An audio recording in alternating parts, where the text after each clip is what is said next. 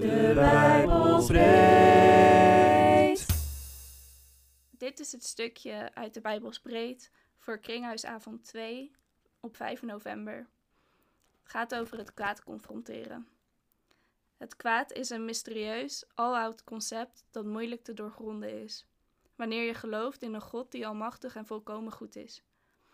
Want waar komt het kwaad vandaan als de schepper goed is? Hij zou het kwaad toch altijd kunnen voorkomen? Het nadenken over de origine van het kwaad blijft een duizelingwekkend gebeuren. En we zullen hier dan ook verder niet op ingaan. Er valt een heleboel te zeggen over het kwaad en de oorsprong in de vrije wil. En daar bestaat een heleboel onduidelijkheid over. En blijven er vragen liggen. Eén ding is echter duidelijk vanuit de Bijbel omtrent het kwaad: God wil het niet. Wanneer we het hebben over het kwaad, dan heeft dat betrekking zowel op het kwaad dat mensen doen, actief, kwaad van binnenuit, als op het kwaad dat wordt ondergaan door mens en dier in de vorm van lijden, kwaad van buitenaf. Het actieve kwaad hebben we vorige week besproken.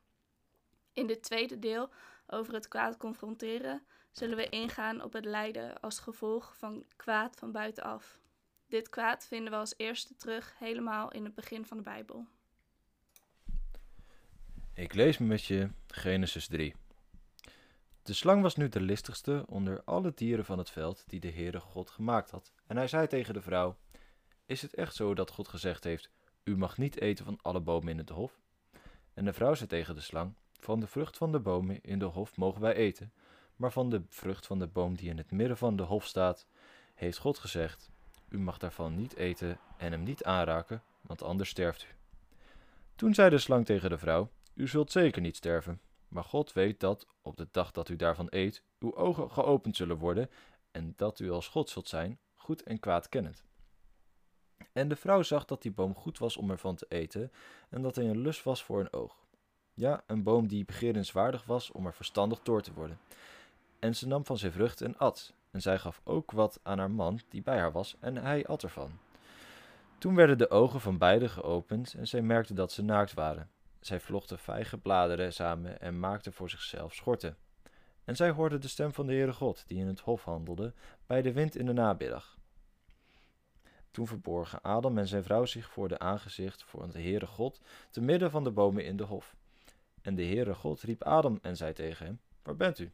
En hij zei, Ik hoorde uw stem in de hof en ik werd bevreesd, want ik ben naakt, daarom verborg ik mij. En hij zei, Wie heeft u verteld dat u naakt bent? Hebt u van die boom gegeten waarvan ik u geboden had daar niet van te eten? En toen zei Adam, De vrouw die u gaf om bij mij te zijn, die heeft mij van die boom gegeven en ik heb ervan gegeten. En de Heere God zei tegen de vrouw, Wat hebt u daar gedaan? En de vrouw zei, De slang heeft mij bedrogen en ik heb ervan gegeten. Toen zei de Heere God tegen de slang, Omdat u dit gedaan hebt, bent u vervloekt, onder al het vee en onder alle dieren van het veld. Op uw buik zult u gaan en stof zult u eten al de dagen van uw leven. En ik zal vijandschap teweeg brengen tussen u en de vrouw, en tussen uw nageslacht en haar nageslacht. Dat zal u de kop vermorselen, en u zult het de hiel vermorselen. Tegen de vrouw zei hij: Ik zal uw moeite in zwangerschap zeer groot maken. Met pijn zult u kinderen baren. Naar uw man zal uw begeerte uitgaan, maar hij zal over u heersen. Tegen Adam zei hij: omdat u geluisterd hebt naar de stem van uw vrouw en van die boom gegeten hebt waarvan ik u geboden had, u mag daar niet van eten, is de aardbodem omwille van u vervloekt. Met zwoegen zult u daarvan eten, al de dagen van uw leven. Dorens en distels zal hij voor u laten opkomen, en u zult het gewast van het veld eten. In het zweet van uw gezicht zult u brood eten, totdat u de aardbodem terugkeert, omdat u daaruit genomen bent. Want stof bent u, en tot stof zult u wederkeren. En Adam gaf zijn vrouw de naam Eva, omdat zij moeder van alle levenden is. En de Heere maakte voor Adam en voor zijn vrouw kleren van huiden en kleedde hen ermee. Toen zei de Heere God, zie, de mens is geworden als een van ons, omdat hij goed en kwaad kent. Nu dan, laat hij zijn hand niet uitsteken en ook van de boom des levens nemen en eten, zodat hij eeuwig zou leven. Daarom zond de Heere God hem weg uit de hof van Ede, om de aardbodem te bewerken waaruit hij genomen was.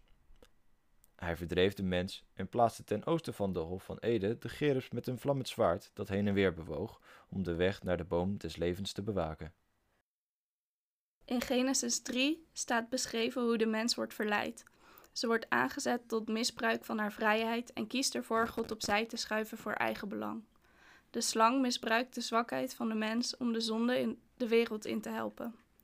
De mens is het die de keuze maakt tegen God en wordt verantwoordelijk gehouden voor al het actieve kwaad in de wereld. Want het gedrag wat Adam en Eva begonnen, zien we door heel de Bijbel terug. Bij de zonde komt het lijden, vertelt God. Nu dat de mens kennis heeft van goed en kwaad, staat ze een aantal dingen te wachten: zwoegen in het veld en pijn bij het bevallen. Lijden en de dood zijn beide gevolgen van de vloek die de mens over zichzelf heeft uitgeroepen. Ik lees nu uit Johannes 1, vers 1 tot en met 14. In het begin was het woord, en het woord was bij God, en het woord was God. Dit was in het begin bij God. Alle dingen zijn door het woord gemaakt, en zonder dit woord is geen ding gemaakt dat gemaakt is. In het woord was het leven, en het leven was het licht van de mensen. En het licht schijnt in de duisternis, en de duisternis heeft het niet begrepen. Er was een mens door God gezonden, zijn naam was Johannes. Hij komt tot een getuigenis om van het licht te getuigen, opdat allen door hem geloven zouden. Hij was het licht niet, maar was gezonden om van het licht te getuigen.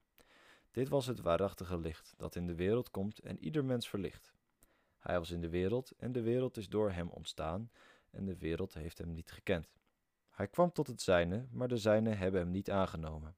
Maar alle die hem hebben aangenomen, heeft hij de macht gegeven kinderen van God te worden, namelijk die in zijn naam geloven. Die niet uit bloed, niet uit wil van vlees en ook niet uit de wil van een man, maar uit God geboren zijn. En het woord is vlees geworden en heeft onder ons gewoond. En wij hebben zijn heerlijkheid gezien, een heerlijkheid als van de enige geborene van de Vader, vol van genade en waarheid. In het eerste hoofdstuk van het Evangelie van Johannes blikt Johannes terug over de loop van de geschiedenis. Met dezelfde woorden als in Genesis 1, in de beginnen, schrijft hij over de aanwezigheid van het Woord, Jezus Christus, voor, tijdens en na de schepping. We leven echter in een gevallen wereld, een wereld gehuld in duisternis. In Romeinen 3, vers 11 lezen we zelfs dat er geen enkel mens is die vanuit zichzelf God zoekt. Zoals het leven staat tegenover de dood, zo het licht tegenover de duisternis. De duisternis is hier niet letterlijk, maar in geestelijke zin bedoeld. Het door de zonde van God gescheiden gebied. Het is het wonder van Gods genade dat het licht bleef schijnen in de door mensen gecreëerde duisternis en dat Hij zijn zoon Jezus, het woord zelf, zond om het kwaad te confronteren. Het licht schijnt in de duisternis en de duisternis heeft het niet in haar macht gekregen. Hierin zien we de goedheid van God. Daar waar wij mensen niet voor Hem kozen, koos Hij voor ons. Het licht en het donker zijn tegengesteld, maar niet gelijkwaardig. Een kleine kaars kan een hele ruimte vol duisternis verlichten en wordt daardoor niet gedimd. Licht is sterker dan duisternis en de duisterheid kan niet winnen van het licht. Jezus confronteerde het kwaad voor ons en dat maakt dat wij ook het kwaad kunnen confronteren in ons leven. Hier zijn wat vragen om over na te denken. Hoe denk jij over het kwaad in deze wereld en de rol van de mens daarin? En hoe is Jezus voor jou het licht in het duister? Grote God, dank u wel dat u ons trouw blijft, terwijl wij u zo vaak ontrouw zijn. Wilt u ons helpen wanneer wij het kwaad confronteren, zoals Jezus dat voor ons deed? Deze podcast werd mede mogelijk gemaakt door